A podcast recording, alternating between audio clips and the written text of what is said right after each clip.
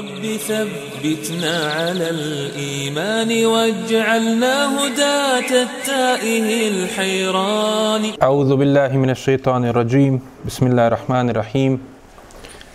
إن الحمد لله تعالى نحمده ونستعينه ونستغفره ونعوذ بالله من شرور أنفسنا ومن سيئات أعمالنا. من يهده الله فلا مضل له ومن يضلل فلا هادي له.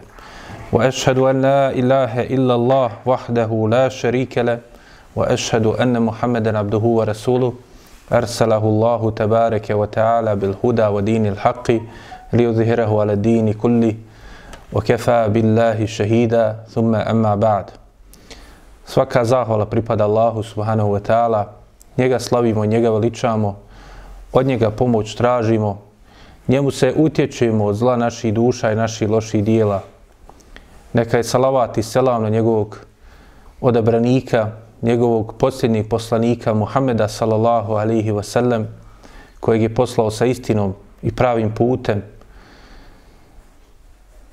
Neka je salavat i selam na, njegovog, na njegovu porodcu časnu i sve njegove plemenite ashabe i one koji slijede njihov put do sudnjega dana. A zatim, hvala Allahu subhanahu wa ta'ala što smo u prilici da se upoznajemo sa životom Allahovog posljednjeg poslanika Muhameda sallallahu alaihi ve sellem, da iz njegovog života crpimo poruke i lekcije za nas u našim životima, jer doista je to život najodabranijeg Allahovog groba koji je poslan koji kao milo svjetovima da se drugi na njega ugledaju i njegovim putem i njegovom praksom kroče i hode kroz svoje živote. Ovo je naše 30. druženje sa životom Allahovog poslanika sallallahu alihi wasallam. Molim Allaha subhanahu wa ta'ala da podari ovim našim druženjima bereketa i koristi za nas i da budu dokaz za nas, a ne protiv nas. Amin. Dakle, Allahu poslanik sallallahu alihi ve sellem kao što smo vidjeli u prethodna dva naša druženja je bio na Israo i Mi'rađu.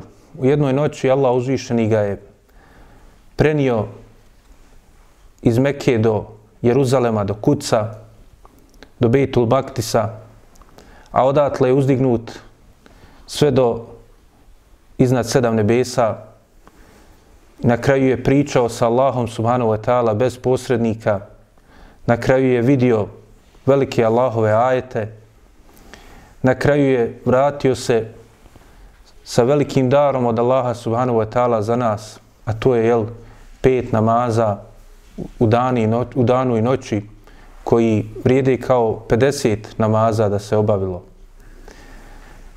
Teško je opisati i dočarati sve ono što je od ovog veličanstvenog događaja se desilo i sve njegove detalje prenijeti vjerno, oslikavajući sve ono što je zadesilo Allahov poslanika, sallallahu alaihi ve sellem, u ovom najvećem događaju u njegovom životu i je najvažnijem i jednom od najvažnijih događaja u istoriji čovečanstva, najvećoj počasti koja je ukazana Allahovom poslaniku, sallallahu alaihi ve sellem, ali kao i sam život Allahov poslanika sallallahu alaihi ve sellem teško je dočarati sve ono od ljepota i blagodati koje Allah uzvišeni podario svome poslaniku od velikih poruka koji se kriju u događajima koji su obilježile život Allahovog poslanika sallallahu alaihi ve sellem.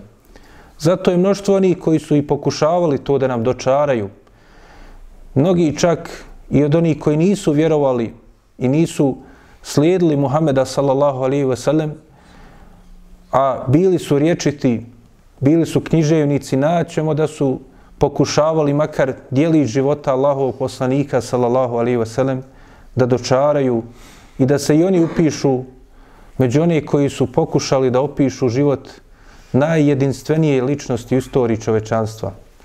I to ćete naći posebno u našem vremenu kada je sabrano mnoštvo svjetske zaostavštine i civilizacije koju su ljudi do sada ostvarili i stekli, pa naćete i od Lava Nikolajevića Tolstoja do Getea i mnogi drugi koji, dakle, su bili daleko od slijedženja Allahov poslanika, sallallahu alaihi ve sellem, od pristrasnosti njemu, zato što su bili, jel, eventualno Arapi ili tome slično, nego su prepoznali da ima nešto veličanstveno u toj ličnosti. Ovaj događaj u životu Allahov poslanika, sallallahu alaihi veselem, upravo ističe njegovu veličanstvenu ličnost.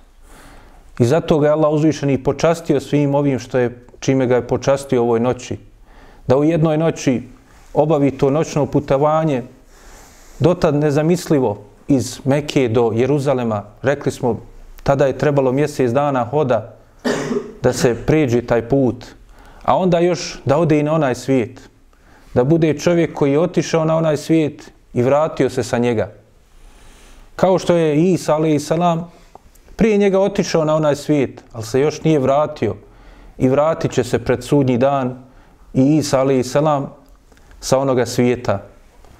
Pa dakle, Allahom poslaniku, salallahu alaihi ve sellem, iz svega onoga što smo spomenuli, vidimo da mu je Allah uzvišeni sabrao sve vrijednosti koje imaju svi ostali poslanici i vjerovjesnici.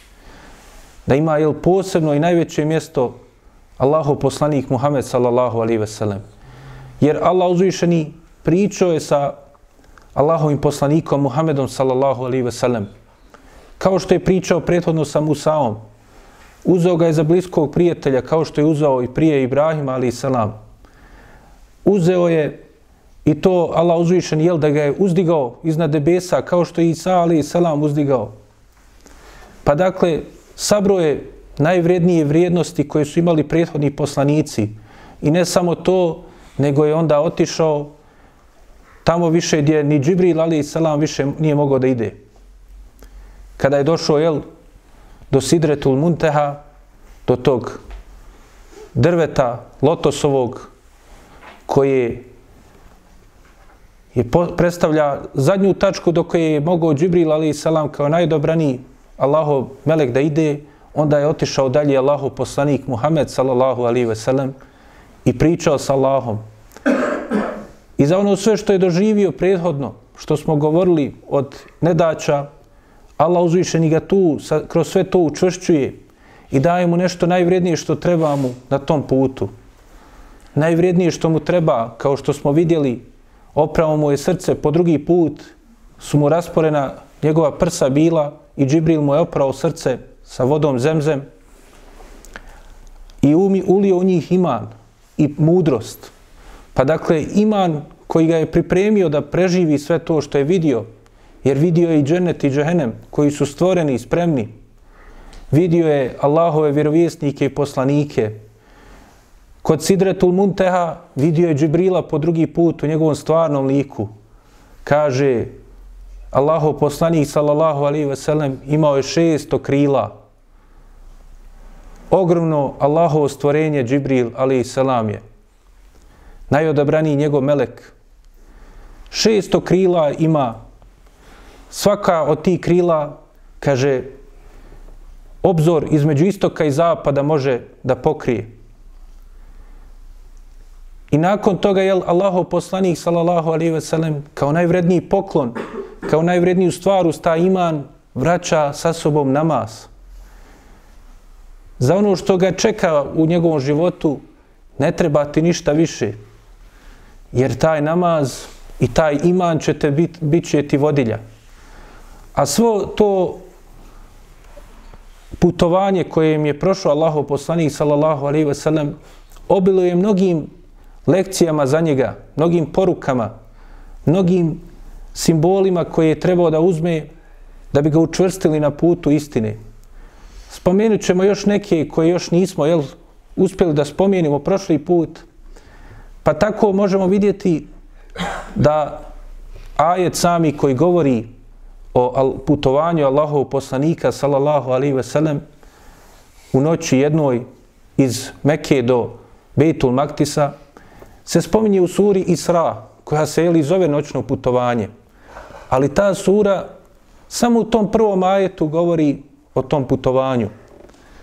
U nastavku sure Allah uzvišeni govori o jevrejima, razotkriva sramote jevreja i sve šta su uradili i kako su izneverili sve ono što im je Allah uzvišeni dao prethodno kada su imali počast da im je poslan Musa ali i selam pa sa njim njegov brat Harun i mnoge druge blagodati koje je Allah uzvišeni podario pa kako su to iznevjerili što je bio i šaret i poruka poslaniku sallallahu alaihi ve sellem da njegovim odlaskom na nebesa dolazi do neke velike promjene. Spomenuli smo šta je Musa alaihi salam rekao kada je vidio Allahov poslanika sallallahu alaihi ve sellem, kada je prošao pored njega na šestom nebu. Kaže, zaplakao je Musa ne zato što je bio zavidan Allahovom poslaniku sallallahu alaihi ve sellem. Rekao je, ovaj mladić imaće više sljedbenika od mene. Nije rekao mladić zato što ga je želio da ponizi, da ga smatra manje vrijednim od sebe, nego da istekne blagodat koji je podario Allah uzvišeni njemu, a njegov narod, Musaov narod, je proneverio priliku koju je Allah uzvišeni dao. Pa dakle, sama surja nam najavljuje, nakon tog putovanja desit će se velika promjena. Vi ste vezani, vi smatrate da vam pripada Bejtul Maktis, da vam pripada kuc, ali u stvari vi ste to pronevjerili. Allah uzvišeni će to dati onima koji su preči za to. Kao što i ostale vjerovjesnike i poslanike koje je vidio Allahov poslanik sallallahu alaihi ve sellem na tim nebesima, rekli smo da to nije bilo slučajno. Sve to iz Allahove mudrosti. Treba spomenuti da u tom periodu Allahovom poslaniku sallallahu alaihi ve sellem pred ovo putovanje nakon svih tih nedača koje su ga zadesile, objavljene su mu neke sure koje su imale svoju mudrost zašto su u tom vremenu objavljene. Objavljena mu je sura Hud u kojoj Allah uzvišeni opisuje neki od vjerovjesnika i poslanika i šta su doživjeli od svojih naroda, kako su saborili, kako su ustrajali na putu istine. Na kraju tih kazivanja Allah uzvišeni pred sam kraju sure kaže فَاسْتَقِمْ كَمَا أُمِرْتْ وَمَنْ تَعْبَ مَعْكَ وَلَا تَتْغَوْ إِنَّهُ بِمَا تَعْمَلُونَ بَصِيرٌ Kaže Allah uzvišeni, nakon što je kaz, kaz, kazivanje od nekih od vjerovjesnika i poslanika mu spomenu od Huda, od Nuha, šta su doživjeli od svojih naroda, kako su sabrli, kaže Allahovom poslaniku, sallallahu alaihi ve sellem, naređujući njemu, i njegovim sjedbenicima i svima onima koji dolaze nakon njih, kaže, ustrajte onako kako vam je naređeno. Ne kako vi hoćete, ne kako ti misliš, nego kako je naređeno, kako je Allah uzvišen i objavio. Otićeš na putovanje, iznad sedam nebesa bit će ti naređene neke stvari. Radi tako kako ti je naređeno. I oni koji vjeruju uz tebe i kaže, vola tetgau, i nemojte, nemojte prelaziti granicu, nemojte skretati ni lijevo ni desno, nemojte vi po svome nahođenju uzimati i tumačiti, jer znajte innehu bima tamel une basir. Kaže, znajte da je doista on, to jest Allah uzvišeni, obavješten o svemu onome što vi radite. Također, u ovom periodu, a i po redoslijedu sura, vidjet ćemo da nakon sure Hud dolazi sura Jusuf, u kojoj Allah uzvišeni kazuje priču čudnovato o Jusufu, ali i selam, i njegovoj braći. I kako su njegova braća protiv njega spletkarila, kako su ga na kraju prodala za nešto malo ovog dunjaluka, kako su na kraju došli, kako se na kraju Jusuf, ali i selam, vratio, kako je Allah uzvišeni ga iz nevolja izveo i iz zatvora, a bio je lažno optužen, kao što je Allahov poslanik sallallahu alaihi ve sellem jel opisuje mu Allah uzvišeni stanje slično njegovom? Da uzme poruku iz toga. Nakon teškoće doći olakšanje. Mora se pokazati kako će ko postupati pa jel kao što Jusuf, ali i selam njemu su njegova braća spletkarila i tebi tvoj narod najbliži oni tebi od tvog amidžu Ebu Leheba od onih ljudi i drugih koji ste znali i oni tebi spletkari nevolje ti pri, priređuju, ali znaj da će doći olakšanje. A također, jel, ako je u suri Isra se govori o promjeni stanja društvenog, ova sura nam pojašnjava kako će se to desiti. Jer postavlja se pitanje kako će to da Allaho poslanik sallallahu alaihi ve sellem a on u tom, takvom stanju u kojem se nalazi nakon što ga je odbacili stanovnici Mekke u većini otišao u Taif pa doživio što je doživio izgubio je svoje oslonce u društvu poput Ebu Taliba Hatidže radijallahu anha mnoštvo njegovih ashaba moralo da učini hijđru u Abesiniju nevjeničku zemlju. Kako će to biti promjena? Šta će se desiti kao što i Jusuf u alaihi salam se desila promjena, da je bio prodat kao rob, pa onda završio u zatvoru, da bi nakon toga Allah uzvišeni mu dao vlast u državi tog istog vladara, kod kojeg je bio rob, pa onda bio zatvorenik. Pa na kraju je došao mu i njegov babo, Jakub, ali i salam, i njegova braća, i svi su zajedno, jel, ponovo bili na istini. Sve te nedaće i te nevaljaštine se promijenile umeđu vremenu.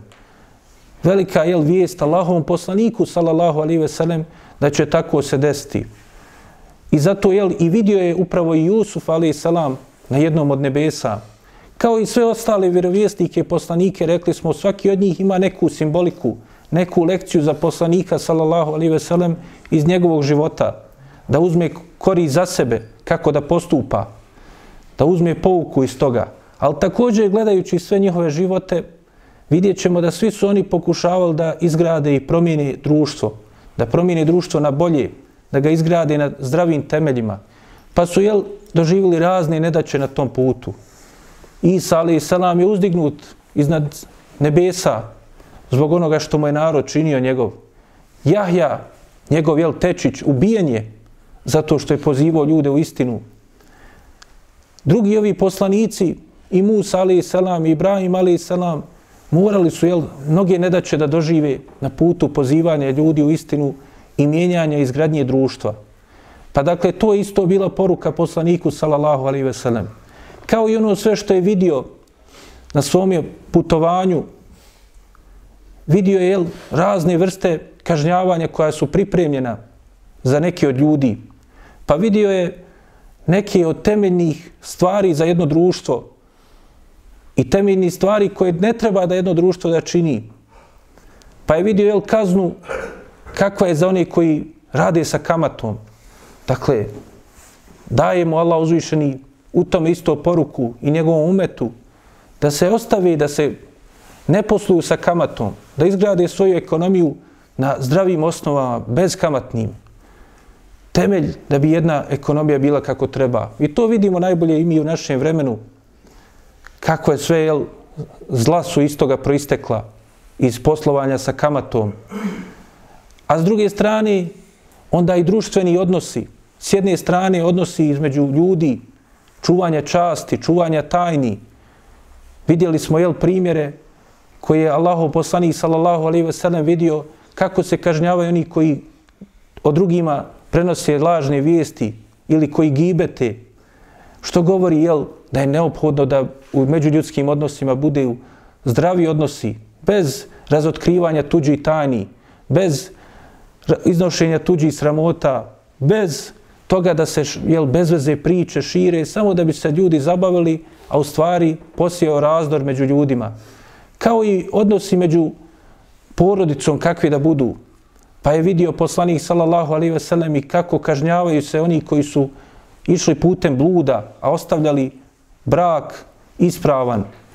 Pa također, jel, to je jedan od velikih temelja ili dobra ili zla, ka, ovisno kako budu ljudi postupali.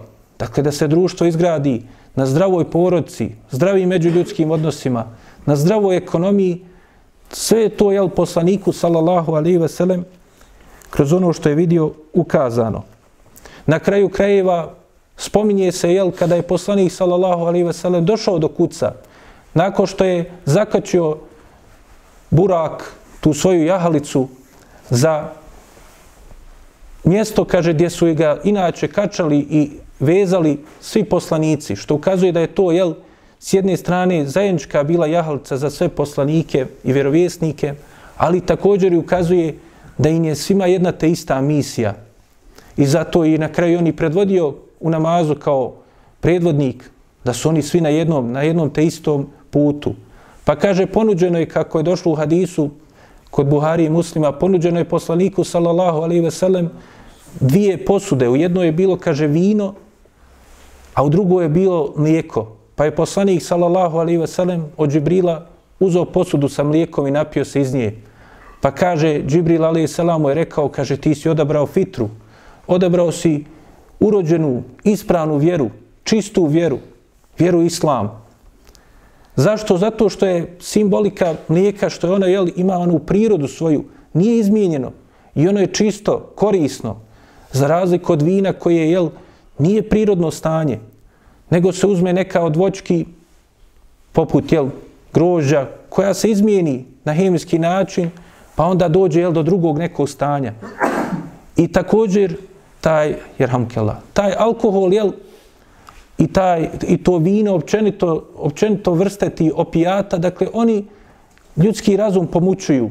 Pa tako, jel, se i pomučuje ta vjera, kao što je, jel, simbolika u tome što je to ponuđeno vino. Pa dakle, držanje puta Allahov poslanika, sallallahu alaihi ve sellem, je dobro u svakom pogledu za čovjeka.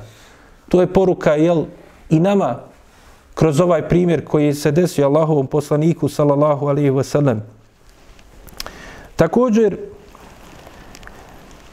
vidjet ćemo, jel, da je od veliki ajeta koji je vidio na tom putovanju isto ono što je Allahov poslanik, sallallahu alaihi ve sellem, kada je došao do Ibrahima, alaihi salam, vidio.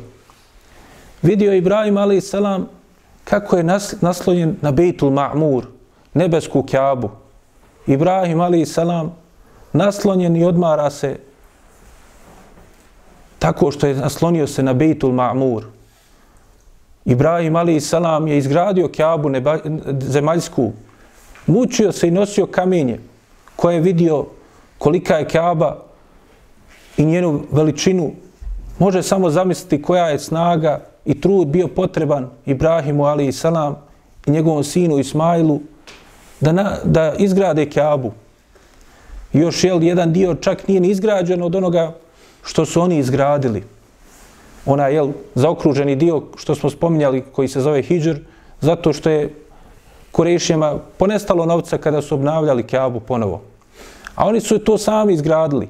Pa se Ibrahim Ali Salam, jel, kao što je nagrada od onoga što je čovjek radio i sve ove kazne što smo vidjeli, nagrada je od onoga što je čovjek radio. A i nagrada istinska je od onoga što je čovjek radio. Pa Ibrahime umorio se na Dunjalku radeći, pravijeći kjabu, sada se odmori, naslanjajući se na nju. Također, isto ga vidimo, jel, i sve ono što je sama poruka bila poslaniku, sallallahu alaihi ve sellem, kroz ovo putovanje. Dakle, zašto je poslanik, sallallahu alaihi ve sellem, morao iz Mekke otići do Betul Maktisa, do Jeruzalema, pa odatle iznad sedam nebesa. Kažu učenjaci, poruka je u tome višestruka. Prije svega je da se vidi da je neophodno preuzeti uzroke na ovome svijetu. Mora se čovjek truditi i raditi, ali njegov istinski boravak, njegovo istinsko mjesto za koje radi nije ovaj svijet, nego onaj svijet. I zato je nakon tog putovanja iz Mekke u Jeruzalem, onda je otišao Allahu poslanik sallallahu alaihi ve sellem iznad nebesa i prošao kroz sva nebesa dok nije došao jel, do Sidretul Munteha, pod, pored kojeg je Džennetul Me'wa, džennet koji je istinsko boravište za vjernike. Pa dakle, Allahu poslanik sallallahu alaihi ve sellem nam praktično to pokazuje. Mora se na ovome svijetu uzeti uzroke, raditi. Na primjeru Ibrahima vidimo, mora se jel, i umoriti na tome. Ali istinski odmor je na onome svijetu. Istinski odmor je, kao što kaže neki od Selefa, kod prvog koraka koji čovjek zakorači u dženet, tu je istinski boravak i tu je istinski odbor. Tako, jel, na kraju vidimo onda i primjer Ibrahim a.s. koji nam pokazuje još više od toga jer nam kaže, kao što smo spominjali to također prošli put, na kraju kaže, kaže, prenesi selam svome umetu, o Muhamede. Selam i nas, Ibrahim a.s i neka je na njega Allahov selam i kaže, kaže, obavijesti svoje sljedbenike da je dženecka zemlja najbolja zemlja, najplodnija, najljepša. A kaže, dženecka voda, to je, kaže, najbolja voda, naj, najukusnija. I kaže, nek obavijesti ih da su zasadi dženecki, da je dženecko sjeme, da su to riječi zikra, subhanallah, elhamdulillah, la ilaha illallah, Allahu ekber. Dakle, vrijedno zikra nam ukazuje i savjetuje nas, Ibrahim a.s. da to imamo na umu, da uvijek imamo uza se Allaha subhanahu wa ta'ala, kao što je Allahu poslanik sallallahu alaihi ve sellem nam najbolji uzor za to, jer on je do kraja svoga života upravo tako i radio i postupao, vodeći se između ostalog i tim savjetom. Pa dakle, radi za onu kuću, sadi za onu kuću u koju ćeš vječno boraviti, a ne ovu. Džennet je, dakle, već postoji, već je pripremljen. Poslanik, sallallahu alaihi ve sellem, u jednoj od predaje došlo, kada je klanjao predvodeći sve vjerovjesnike i poslanike u namazu, što je ponovo ukazuje na vrijednost tog namaza, nije predvodio bilo čemu drugom, nego u namazu. I svi su se posafali iza Allahov poslanika Muhameda sallallahu alaihi ve sellem i on je predvodio, spomenuli smo mišljenje Ibnu Kethira koji kaže da Allah najbolje zna da je to bio sabah namaz koji je klanio Allahov poslanik sallallahu alaihi ve sellem nakon što je se vratio dakle sa putovanja iznad nebesa nakon što je ponovo spušten na zemlju. Pa kaže se da je nakon toga poslaniku sallallahu alaihi ve sellem Džibril nakon namaza prišao i rekao, kaže, ovo je Malik, čuvar džehenema, došao da te poselami. I džehenem je spreman. I u drugom hadisu je došlo čak da je Malik se požalio Allahu uzvišenom zato što džehennem nemajući koga da prži i jede, jede jedan dio džehennema, drugi dio džehennema. Da nas Allah sačuva od toga. Toliko je jel spreman i kao što Allah uzvišeni nam spominje i kaže kada se napuni i reče hel mi mezid, ima li još, ima li još oni koji će biti bačeni da i njih jedemo. Dakle, i dženet i dženem je spreman. Allahov poslanik sallallahu alaihi ve sellem Allah je dao da kroz to putovanje jel, nam pokaže šta su istinske vrijednosti. Učvrstio ga je Allah uzvišeni sa tim putovanjem, ali mu je pokazao šta su vrijednosti, gdje on ide, gdje hodi. Sve ovo jel, što je radiš, Allahov poslaniće, poruka mu je bila, to je za onaj svijet. Ti ideš ka Allahu uzvišenom, kao što si jel, na tom putovanju otišao iz Mekije do kuca, iz kuca prošao sva nebesa dok nisi došao do Allaha uzvišenog. Dakle, ideš ka ahiretu, ideš ka Allahu uzvišenom. I ajeti koje je vidio veličanstveni, samo jel, kao što kaže Allahu poslanik sallallahu alaihi ve sellem, kaže, zamolio sam gospodara da mi dozvoli da opišem samo jednog od njegovih meleka. Videli smo upis kakav ima Džibril, šesto krila, A kaže poslanik sallallahu alejhi ve sellem kaže između resice uha jednog od Allahovih meleka i njegovog ramena je, kaže, dužina poput putovanja koja treba 500 godina da se obavi. Možemo li zamisliti kolika je to veličina? Kolika je veličina Allahovog prijestolja Arša? Kolika je veličina svih ti Allahovi veliki ajeta A onda zamislimo Allahu subhanahu wa ta'ala savršenstvo i potpunost koji je daleko i iznad svega toga. To su sve samo Allahova subhanahu wa ta'ala stvorenja. Kaže poslanik sallallahu alaihi wa sallam vidio je Bejtul Ma'mur kaže u koji ta nebeska kjava u koji ulazi svaki dan 70.000 meleka koji nikada ne izađu iz nje. Vidli smo opis jednog od njih.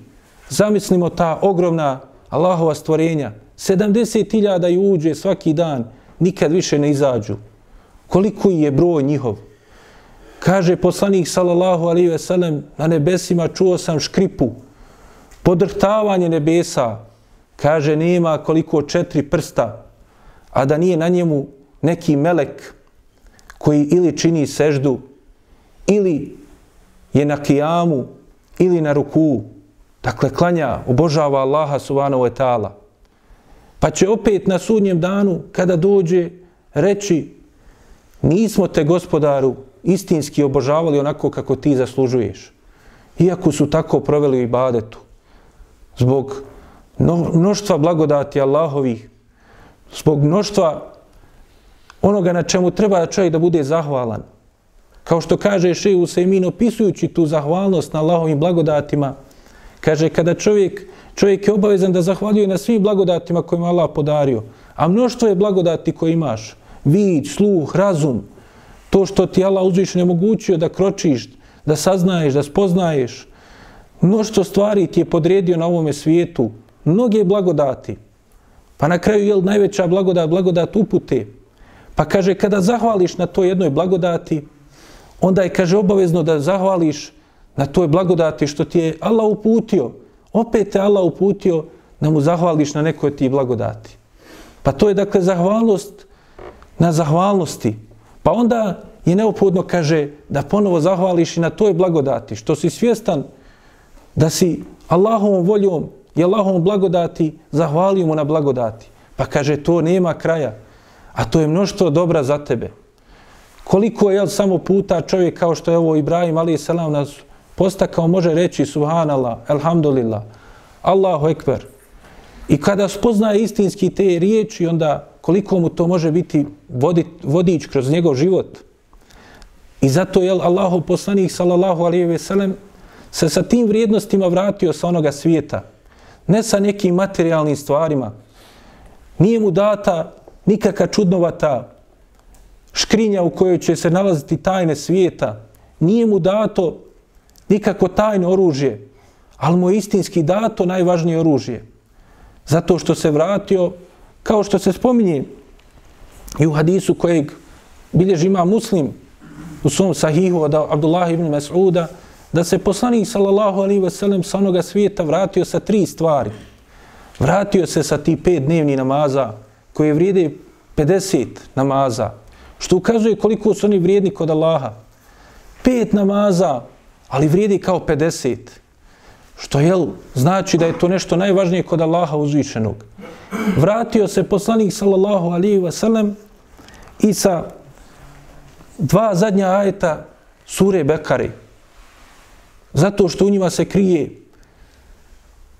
izraz istinskog vjerovanja jednog muslimana. Amena rasulu bima unzile ilaihi min rabbihi wal mu'minun. Kullun amene billahi wa melaiketihi wa kutubihi wa rasulihi. La nufarriku bejne ahadi min rasulihi wa kalu sami'na wa ta'ana gufraneke rabbena wa ilike masir.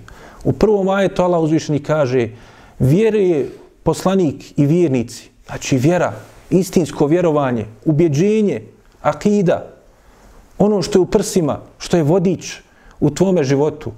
A u šta vjeruju? Vjeruju, vjeruju Allaha, u njegove meleke, u njegove knjige, u njegove poslanike, ne razlikuju između jednog od njih. Sve ih priznaju i kažu, šta kažu?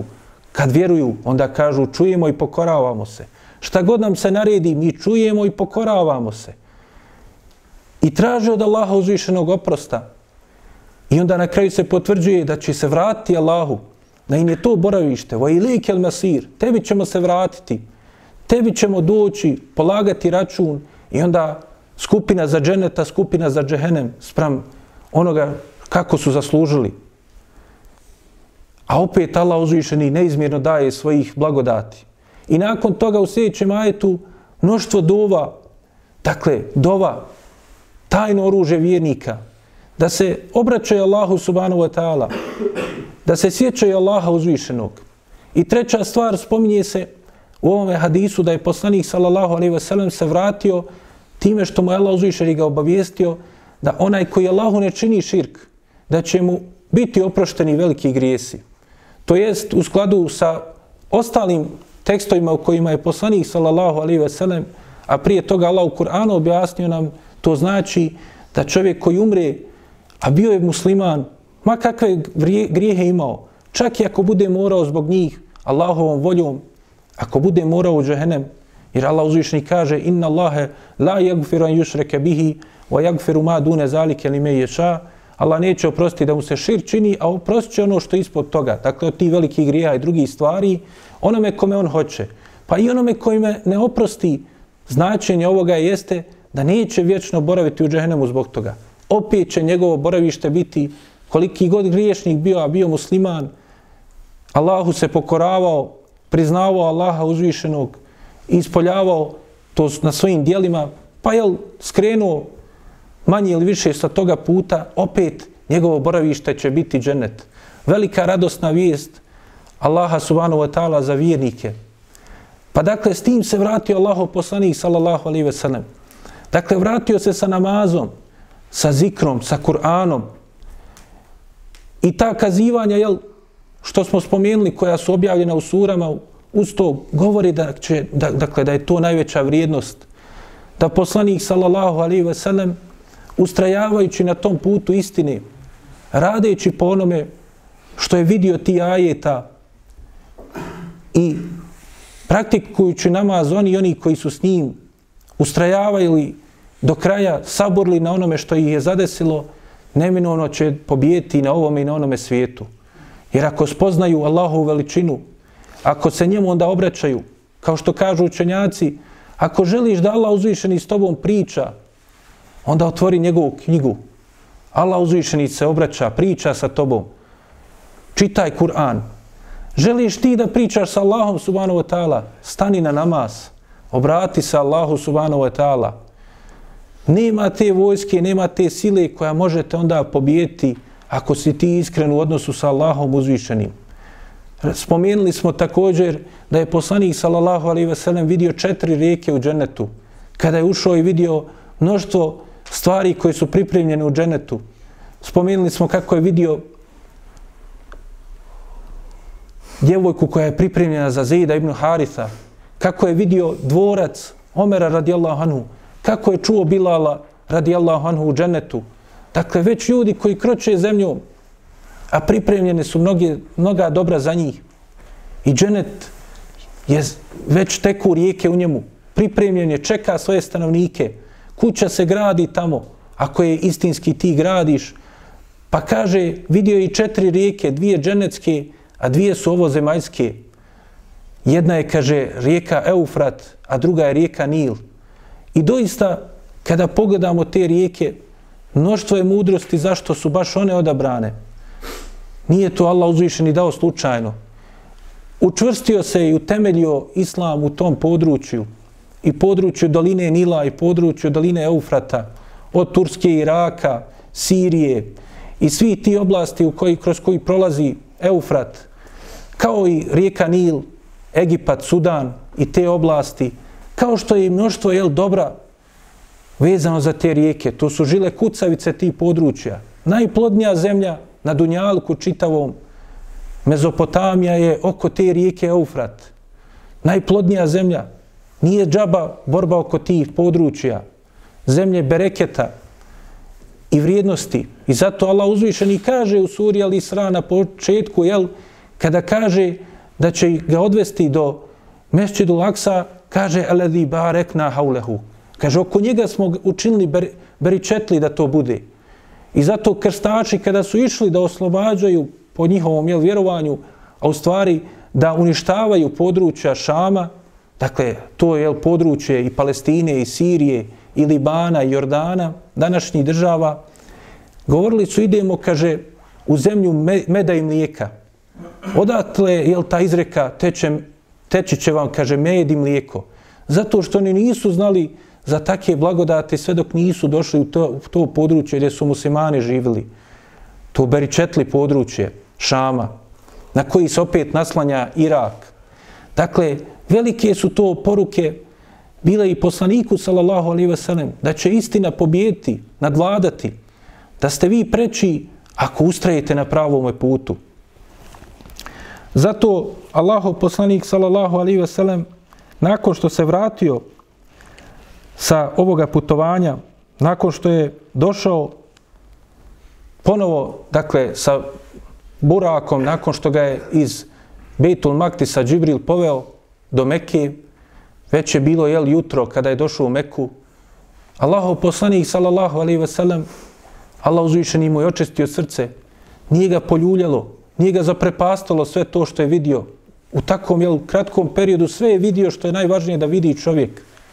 I dženet i džehenem, i sva nebesa, i sve te blagodati, i svi meleci su, stali, i svi poslanici i vjerovjesnici su klanjali za njim, sve je vidio.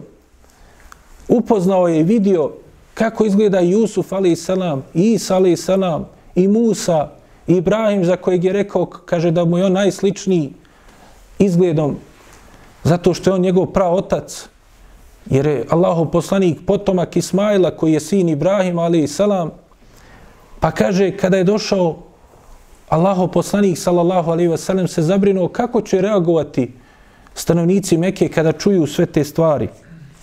Kako će reagovati kada čuju jel, da je on bio na tom putovanju. Isto treba spomenuti jedno pitanje prije toga, dakle, a to je pitanje da li je Allahov poslanik Muhammed sallallahu alaihi ve sellem vidio svoga gospodara kada je došao da priča bez posrednika sa njim. Da li je on vidio Allaha uzvišenog? Pa kaže, jel, on, onoga što je jasno iz ajeta jeste da čovjek na ovome svijetu neće vidjeti Allaha, pa čak ni Allahov poslanik Muhammed sallallahu alaihi ve sellem na noći Isra i Mirađa nije vidio Allaha. U hadisu kod muslima Ebu Zer ga je pitao radi Allahanu jesi li vidio svoga gospodara, rekao je ka je svjetlost, dakle, a to je Allahov zastor, kako da ga vidim od njega? Kako da ga vidim od te svjetlosti? Pa dakle nije vidio, nego jedina nedoumica se javila zato što su neki pogrešno shvatili riječi Abdullah ibn Abasa radi Allahanu, zato što je Abdullah ibn Abbas rekao kao što je poznato iz onoga što je jel, posle Ajša radijallahu anha negirala, svi su ti hadisi kod Buhari i muslima spominju, jeste da je on rekao da je Allahu poslanik sallallahu alaihi ve sellem vidio Allaha svojim srcem dva put, a ne svojim očima. Vraćaju se jel, na one ajete i sure Neđm koje smo spominjali, koje u stvari govori o po ispravnijem mišljenju o viđenju Džibrila dva put. Da je Allahu poslanik sallallahu alaihi ve sellem ga vidio u stvarnom liku. A što se tiče jel toga što je došlo od Ibn Abasa, dakle došlo je ili općenito ili pojašnjeno poslije ovim da ga je vidio svojim srcem. Što jel nije sporno zato što je to Allah uzvišeni daje jel svojim robovima počasti da u snu vidi nešto od toga. Pa dakle, to nije istinsko viđenje. Ali istinsko viđenje bit će na onome svijetu kada nas Allah ponovo proživi u našim drugim likovima spremnim za vječni boravak i vječna uživanja, onda jedna od najvećih blagodati će biti vuđuhu njeume idin nadira ila rabbiha nazira. Kao što kaže Allah uzvišeni, tada će neka lica biti nasmijana, vesela, zato što će kaj gledati u svoga gospodara. I kao što poslanik sallallahu alaihi ve sellem u hadisu koji bilježi se od mnoštva ashaba i koji nema sumnje u njegovu vjerodostojnost, kaže da će svi ljudi gledati u Allaha uzvišenog i kao što kaže gledate, poredeći gledanje ne Allaha uzvišeni sa punim mjesecom, kaže kao što svi gledate u puni mjesec i niko se ne gura da vidi puni mjesec. Gdje god se nalazilo, koliko god ljudi, svi mogu da gledaju taj mjesec, tako ćete jasno gledati u Allaha subhanahu wa ta'ala. Molimo Allaha subhanahu wa ta'ala da nas počasti tom velikom blagodati. Pa dakle, to je Što se tiče pitanja da li je Allahu poslanik sallallahu alejhi ve sellem vidio Allaha nas dakle kada je došao i pričao s njim sam Allahu poslanik sallallahu alaihi ve sellem nas jel obavještava da nije vidio Allaha uzvišenog na ovom svijetu jer Allah uzvišeni kaže la tudrikuhul absar ne mogu dopriti do njega pogledi na ovom svijetu a na onome će jel moći nakon što se vratio poslanik sallallahu alaihi ve sellem u Meku, onda se zabrinuo kako će reagovati ljudi. Pa spominje su u hadisu kod imama muslima da je kada je obavijestio ljude, onda nisu mu povjerovali, pa su tražili da opiše, kaže, kako izgleda Bejtul Makti, zato što su neki vidjeli ga. I to je još jedna mudrost zašto je poslanik sallallahu alaihi wasallam otišao iz Mekke prvo do kuca, pa onda iznad sedam nebesa. Zato da je direktno otišao iz Mekke, onda bi jel bilo teže njima da povjeruju to? Teže bi bilo uspostaviti dokaz nad njima. Zato da je rekao da je odma otišao, ne bi imali jel, kao u ovome slučaju čime da jel dokazuju nešto manje od toga koje je malo lakše da je svate i dokaze imaju zato da to provjeri. Jer se spominje jel, da su pitali onda da opiše kako izgleda Betul Maktis. Jer su neki od njih već boravili u kucu, pa znali su kako izgleda. Pa kaže poslanik sallallahu alaihi ve sellem, ništa mi od teže od toga nije bilo. Nije se mogu odmah da sjeti u tom momentu. Mnoštvo jel, stvari je vidio. Nije se mogao osjetiti tačno kako izgleda. Pa Allah uzvišeni mu daje novi ajet. Jer kaže, pred mojim očima se ukazao Betul Maktis. I oni su me pitali ja sam ga opisivao u detalje. Dakle, imao je pred sobom sliku i gledao u njega. Gledao i opisivao i govorio im. I na kraju su rekli to je istina. Nisu mogli zanegirati da je to istinski opis. A znali su da nikada nije bio u Betul Maktisu. Ali opet većina njih nije želda da povjeruje. U hadisu kojeg bilježe Imam Ahmed i Nesai u svom Sunjanu Kubra, spominje se da je poslanik sallallahu alejhi ve sellem nakon što se vratio pored Kaabe i razmišljao kako da ljudima sad prenese šta je vidio, onda je naišao Ebu Džehl koji ga je vidio u tom stanju. Pa je vidio da je poslanik sallallahu alejhi ve sellem zamišljen, zabrinut nečim. Pa mu je prišao i pitao ga, kaže, jel se nešto desilo? Pa je poslanik sallallahu alejhi ve sellem rekao, jeste, otišao sam u jednoj noći, bio u Bejtul Maktisu, odatle uzdignut iznad sedam nebesa. Ebu Džehl, naravno, faraon ovoga umeta, ne vjeruje poslaniku, sallallahu alihi ve sellem. Drago mu što to čuje, ali se suzdržava i kaže, kaže, ako ja dovedem ljude, hoćeš ponovo im to ispričati što si mene rekao. Ne želi, kaže, da zanegira odma da ne bi poslanik, sallallahu alaihi ve sellem, po njegovom razmišljanju, povukao se, pa jel, neće ponovo ponoviti tu priču. Kaže poslanik, sallallahu alaihi ve sellem, naravno da ću ispričati.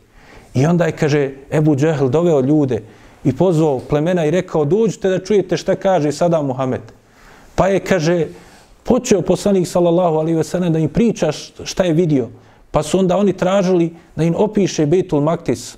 Pa je on opisao, kao što je došlo u ovom prethodnom hadisu, Allah uzvišen je dao da gleda u Betul Maktis i da im opisuje ga. I na kraju su rekli, kaže, rekao istinu. Ali opet nisu htjeli da povjeruju. Nisu željeli da povjeruju.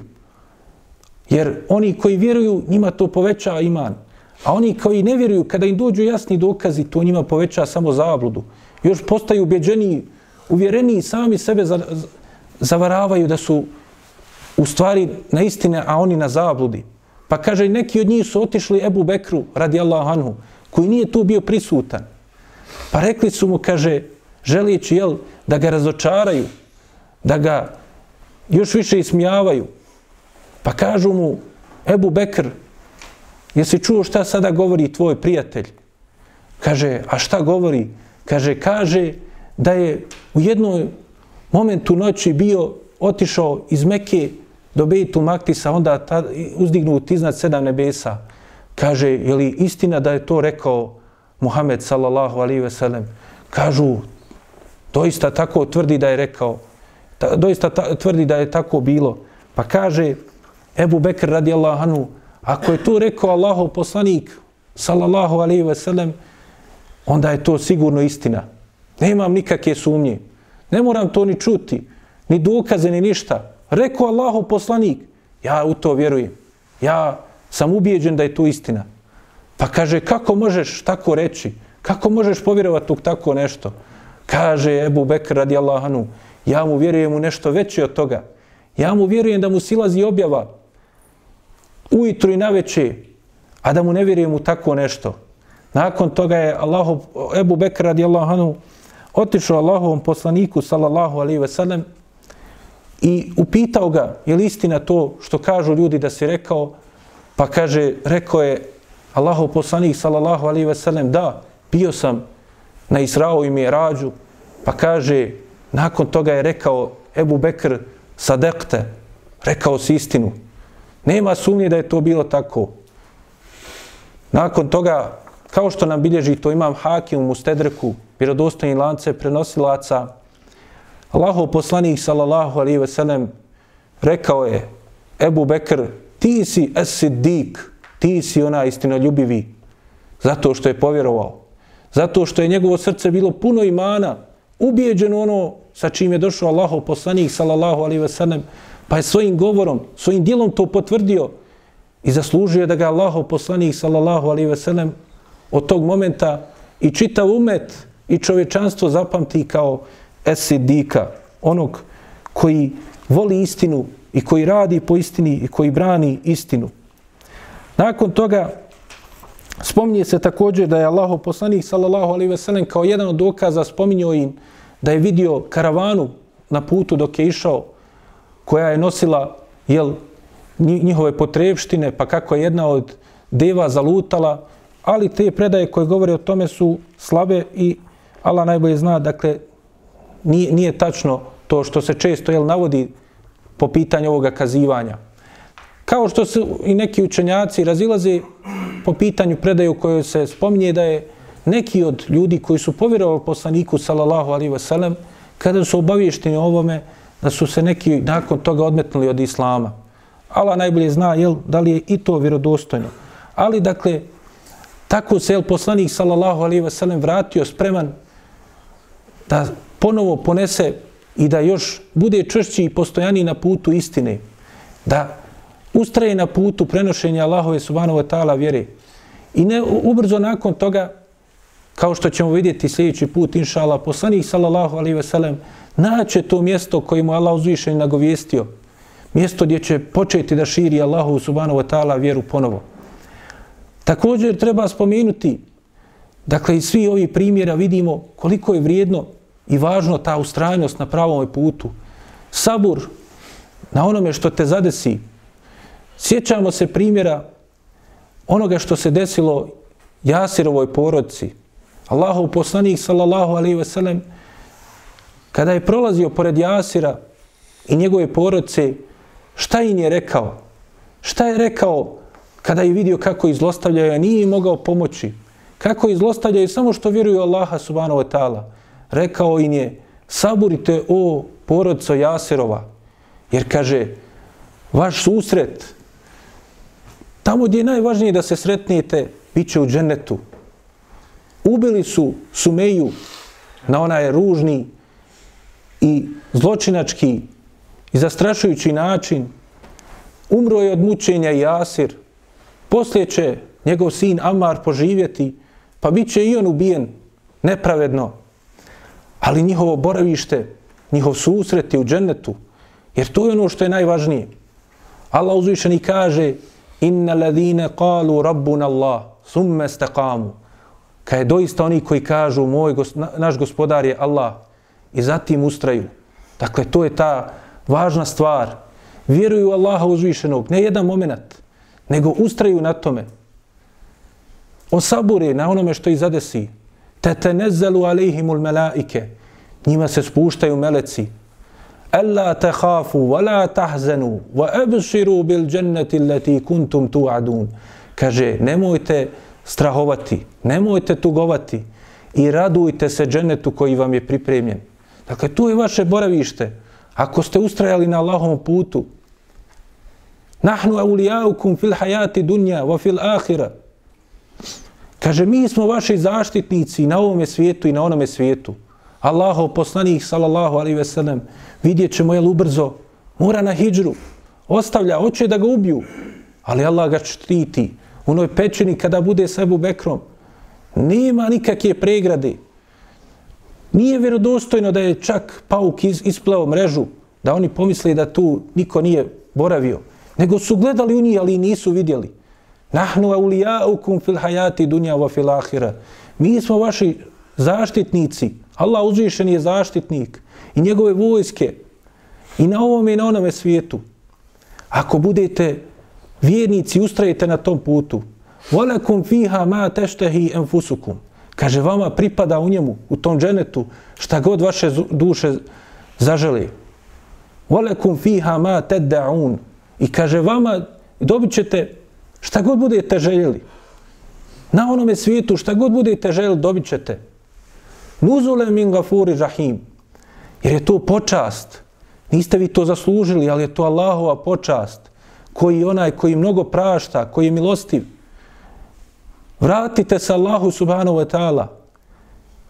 Pokajte se za ono što ste radili i ustrajte na putu istine. I to je ono što i učimo u namazu. To je taj namaz kojim klanjamo i kojim učimo suru Fatihu u kojoj kažemo Alhamdulillahi Rabbil Alamin. Slavlje neka je i svaka zahvala pripada Allahu gospodaru svjetova. Ar-Rahmani Rahim. Sve milostno milostivom. Allah uzvišen je. Tu nam se predstavlja i kaže da je on sve milostni milostivi. Njegova je neizmjerna milost. Maliki je umidin. A on je gospodar sudnjeg dana i vlasti i sudnjeg dana. Valja pred njega stat. I zato i jake nabudu, i jake nestaje in. Zato, jel, samo njega obožavamo i od njega pomoć tražimo u svemu tome. A u nastavku ovih ajeta Allah uzvišeni kaže وَمَنْ أَحْسَنُ قَوْلًا مِمَّنْ دَعَا إِلَى اللَّهِ وَعَمِلَ صَالِحًا وَقَالَ إِنَّنِي مِنَ الْمُسْلِمِينَ A kaže, a ko bolje govori? Koji je bolji govor od onoga koji poziva ka Allahu? Poziva ka Allahu. Dakle, Allahov poslanik. Bio si na Israo i Mirađu. Ideš ka Allahu tvoj put vodite neminovno ka Allahu uzvišenom i ka tvom vječnom boravištu, pa pozivaš na tom putu najboljim govorom i radiš dobra djela, korisna djela, videli smo, jel, temelje mu je dao kako će društvo izgraditi, društvo koje će biti koristi za sve i kažeš ja sam doista musliman. Dakle, to znači da budeš musliman. Pa dakle, Allahov poslanik, sallallahu alaihi ve sellem, najbolji način nam je oslikao taj put i pokazao jel, da je neminovno da na tom putu bude i poteškoća, da se pokaže ustrajnost. Pa zato, jel, velike su poruke iz ovoga kazivanja. Na kraju ćemo spomenuti samo još neke od poruka koji se spominju iz onoga što se desilo, jel, u svom ovom kazivanju, onim hadisima koje su spomenuli Buharija i Muslim, koji smo spomenuli prošli put neke od njih, pa kaže Hafiz ibn al-Hajar u Fethul Bariju tumačeći te hadise, kaže, od mnoštva jel, koristi od ovih velikih, imamo i neke praktične koristi iz ovih, ovog dešavanja, pa kaže, vidimo, kaže da nebesa imaju istinska vrata. Rekli smo, jel, ovo nebo, sve što vidimo, što ljudi još nisu dokučili. Kaže, taj, taj je prvi čovjek koji je bio na mjesecu, koji je bio prvi u svemiru. Prvi čovjek koji je bio iznad sedam nebesa je Allahov poslanik, sallallahu alaihi ve sellem, i vratio se odatle. A Isa alaihi salam još uvijek je gore. Dakle, svako od ti nebesa ima istinska vrata i imaju oni meleci koji su zaduženi da ih čuvaju. Također vidimo jel, da je propisanost čak i kod ti vrata, kamo li ovi dunjalički da čovjek traži dozvolu kada ulazi u neko mjesto da zakuca, da traži dozvolu prije nego što uđe, da, da prije nego što zatraži dozvolu da uđe, da se predstavi ko je, da to nema ništa sporno, jel, da se traži, da je to taj islamski edeb i bonton koji se vidi na ovome primjeru. I da također vidimo jel, ovih kazivanja da onaj koji hodi i koji, koji prolazi, da on naziva selam onima koji sjede. A također vidimo jel, da kada ljudi nekoga dočekuju da trebaju biti nasmiješani sa dovom, sa lijepom riječu da ih dočekaju. Dakle, meleci koji su dočekivali na tim nebesima, rekli su merhabem bik, Dakle, koristili su merhaba, poznata u riječi koja se i kod nas jel, koristi. Dakle, na nebesima se ta riječ koristi kao pozdrav na, nakon salama onima koji dolaze. Također, jel, vidimo iz ovoga što je se desilo poslaniku, sallallahu alaihi sellem da je dozvoljeno nekoga pohvaliti, ali ako se sigurno da tu, to, tu osobu neće samo obmanuti ili na neki način mu izazvati jel, fitnu i e, štetu mu nanijeti. Također, jel, e, vidimo da je dozvoljeno se naslanjati na Kaabu kao što je iz primjera Ibrahim ali selam. Također vidimo iz ovoga kazivanja i poruka iz njega jeste da je dakle dozvoljeno putovati noću kao što je jel putovao i Allahov poslanik sallallahu alejhi ve sellem kao što je jeli, i primjer Musa alejhi koji pokazuje iz onoga što je vodio dijaloga sa poslanikom sallallahu alejhi ve sellem da je onaj koji ima neko iskustvo da se treba koristiti iz njegovog iskustva i da onaj koji nešto teoretski poznaje ne može znati bolje od onoga koji ima neko iskustvo u bilo koje stvari kao što je Ibro, imao Ibro, Musa alejhi iz odnosa sa svojim narodom i njihovih postupaka. Kao što vidimo jeli, iz poruka ovih kazivanja da su dženeti i džehennem stvoreni i da su jel, već pripremljeni za svoje stanovnike. Također, iz ovoga vidimo jel, da je dozvoljeno tražiti i dobiti Allahu subhanahu wa ta'ala što više u svim stvarima. Također, jel, vidimo vrijednost dakle, stida zato što poslanik sallallahu alaihi ve sellem se postidio na kraju i nije htio da više nakon što mu je propisano umjesto 55 namaza da, kao što ga je savjeto Musa alaihi salam, da traži da mu se još više smanji. A također jel, vidimo da treba uputiti savjet onome koga vidimo da mu je potreban savjet, kao što je Musa alaihi salam, da ga Allah nagradi savjetovo Allahov poslanika Muhameda sallallahu alaihi ve sellem, da smanji broj namaza jer njegov umet to neće moći podnijeti. Nakon ovoga Allahovom poslaniku sallallahu alaihi ve sellem Džibril je došao i podučio ga je kada počinju namazka vremena. Dakle, došao mu je dva dana i prvi dan mu je klanjao u prvim momentima kada nastupa ta, svako od tih namazskih vremena. Dakle, počuje sa podne namazom, kako je došlo u tim hadisima, kod imama Ahmeda i drugi. Dakle, počeo je podne kada je sunce, dakle, e, prešlo iz svoga zenita, pa bi onda došao i kindiju kada je jel, postala sinka svega, e, dakle, veličine kakav je jel, i ta stvar, pa onda je došao kada je akšav nastupa, kada, kada ljudi, kaže se, iftare, to jest kada sunce zađe, došao je da jacio sa njim klanja kada je nestalo crvelna na nebu, došao je da klanja sabah kada je jel, počeo da zora nastupa, kaže, kada ljudi se e, prestaju da jedu, kada žele jel, da poste, pa je onda u sljedeći dan došao, klanjao u podne, kada jel, nastupa jedna sjenka svega, klanjao je s njim podne tad, i Kindio je klanjao kada su bile dvije sjenke, dakle veličina dvije, dva put veća sjenka, jel, nego taj predmet, bilo koji, Akšam je klanjao, kaže, opet u isto vremenu, što kazuje jel, da je Akšam vrlo kratak period kada treba klanjati Akšam. Jaciju je klanjao uh, od prve trećine noći, a Sabah je klanjao kada se već počinjalo nazirati da sunce će izaći uskoro, dakle pojavljivati žutlo na nebu. Dakle, također treba napomenuti kao što je došlo kod Buhari i muslima, da je namaz u prvom periodu, dakle prije hijdžre, prije nego što će poslanik sallallahu alejhi ve sellem otići u Medinu, da je trajao, e, da, da je svaki od tih namaza bio po dva rekiata, osim jacije, osim akšama, koji je bio tri rekiata. Dakle, nakon hijdžre, kao što kaže Aisha radijallahu anha, nakon toga su ti namazi, dakle podne i kindija i jacija, su učinjeni da budu četiri rekiata, jedino je saba ostao dva, a Akšam je ostao tri. I dakle da je u prvom tom periodu, sve dok je jel, u Medini, kao što ćemo išala vidjeti, nije promijenjena kibla, kibla je bila prema Bejtul Maktisu. Dakle, to je prva kibla muslimana koju se okretali. Allaho poslanik, sallallahu alaihi ve sellem, je, dok je bio u Mekiji, klanjao tako što bi učinio Kaabu između sebe i Bejtul Maktisa. Ali kada je došao u Medinu, to više nije mogao. Zato što je iz Mekke koja je na jugu otišao prema sjeveru, pa je dakle morao se suprotno okrenuti od Mekke. Dakle, morao se i dalje prema jel, sjeveru da okreće prema Betul Maktisu, a iza leđa južno od njega bi ostajala Kaaba. Pa je Allah uzvišen, jel, kao što ćemo vidjeti, onda promijenio Kaabu. Nakon toga mučnici su tražili još dokaza, pa će Allah uzvišeni dati da se raspoluti mjesec, ali o tome ćemo inšala govoriti sljedeći put. Molim Allaha subhanahu wa ta'ala da nam poveća ljubav prema Allahom poslaniku sallallahu alaihi ve sellem.